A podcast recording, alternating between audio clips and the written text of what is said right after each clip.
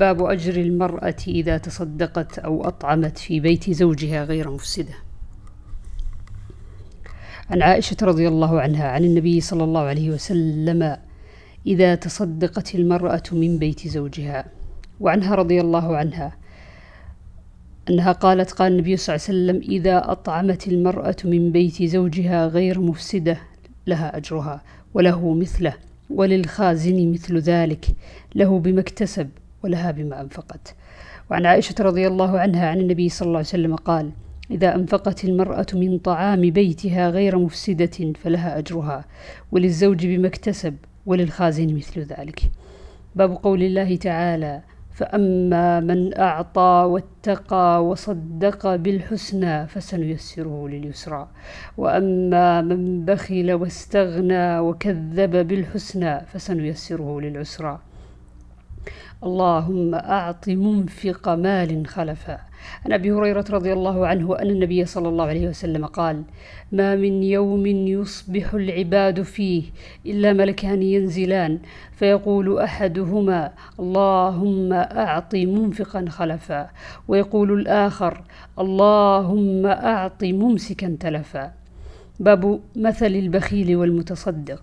عن أبي هريرة رضي الله عنه أنه سمع رسول الله صلى الله عليه وسلم يقول مثل البخيل والمنفق كمثل رجلين عليهما جبتان من حديد من ثديهما إلى تراقيهما فأما المنفق فلا ينفق إلا سبغت أو وفرت على جلده حتى تخفي بنانه وتعفو أثره.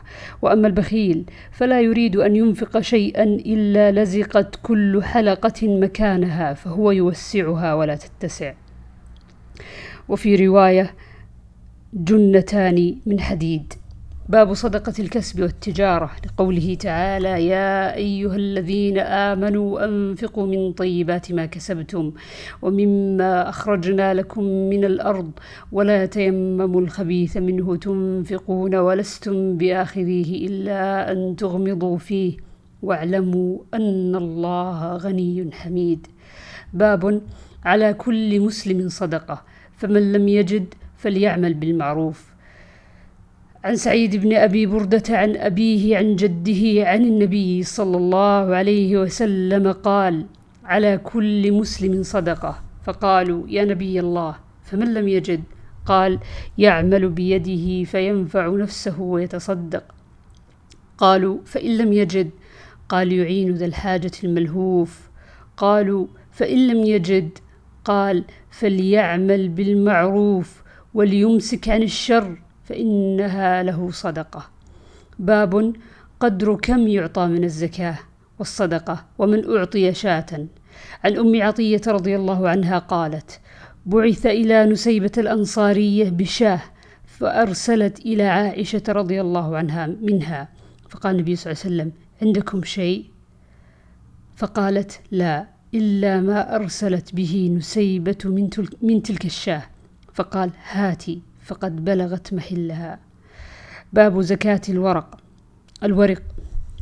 عن أبي سعيد الخدري رضي الله عنه قال قال رسول الله صلى الله عليه وسلم ليس فيما دون خمس ذود صدقة من الإبل وليس فيما دون خمس أواق صدقة وليس فيما دون خمسة أوسق صدقة. باب العرض في الزكاة. وقال طاووس قال معاذ رضي الله عنه لأهل اليمن ائتوني بعرض ثياب خميص أو لبيس في الصدقة مكان الشعير والذرة أهون عليكم وخير لأصحاب النبي صلى الله عليه وسلم بالمدينة. وقال النبي صلى الله عليه وسلم وأما خالد فقد احتبس أدار أدراعه وأعتده في سبيل الله. وقال النبي صلى الله عليه وسلم تصدقنا ولو من حليكن فلم يستثن صدقة الفرض من غيرها فجعلت المرأة تلقي خرصها وسخابها ولم يخص الذهب والفضة من العروض. عن أنس رضي الله عنه أن أبا بكر رضي الله عنه كتب له التي أمر, رسول أمر الله رسوله ومن بلغت صدقته بنت مخاض وليست عنده وعنده بنت لبون فإنها تقبل منه. ويعطيه المصدق عشرين درهما أو شاتين فإن لم يكن عنده بنت مخاض على وجهها وعنده ابن لبون فإنه يقبل منه وليس معه شيء. وعن ابن عباس رضي الله عنهما أشهد على رسول الله صلى الله عليه وسلم. لصلى قبل الخطبة فرأى أنه لم يسمع النساء فأتاهن. ومعه بلال ناشر ثوبه فوعظهن وأمرهن أن يتصدقن. فجعلت المرأة تلقي وأشار أيوب إلى أذنه وإلى حلقه. باب لا يجمع بين مفترق ولا يفرق بين مجتمع. ويذكر عن سالم عن ابن عمر رضي الله عنهما عن النبي صلى الله عليه وسلم مثله. عن أنس رضي الله عنه أن أبا بكر رضي الله عنه كتب له التي فرض رسول الله صلى الله عليه وسلم ولا يجمع بين متفرق ولا يفرق بين مجتمع خشية الصدقة.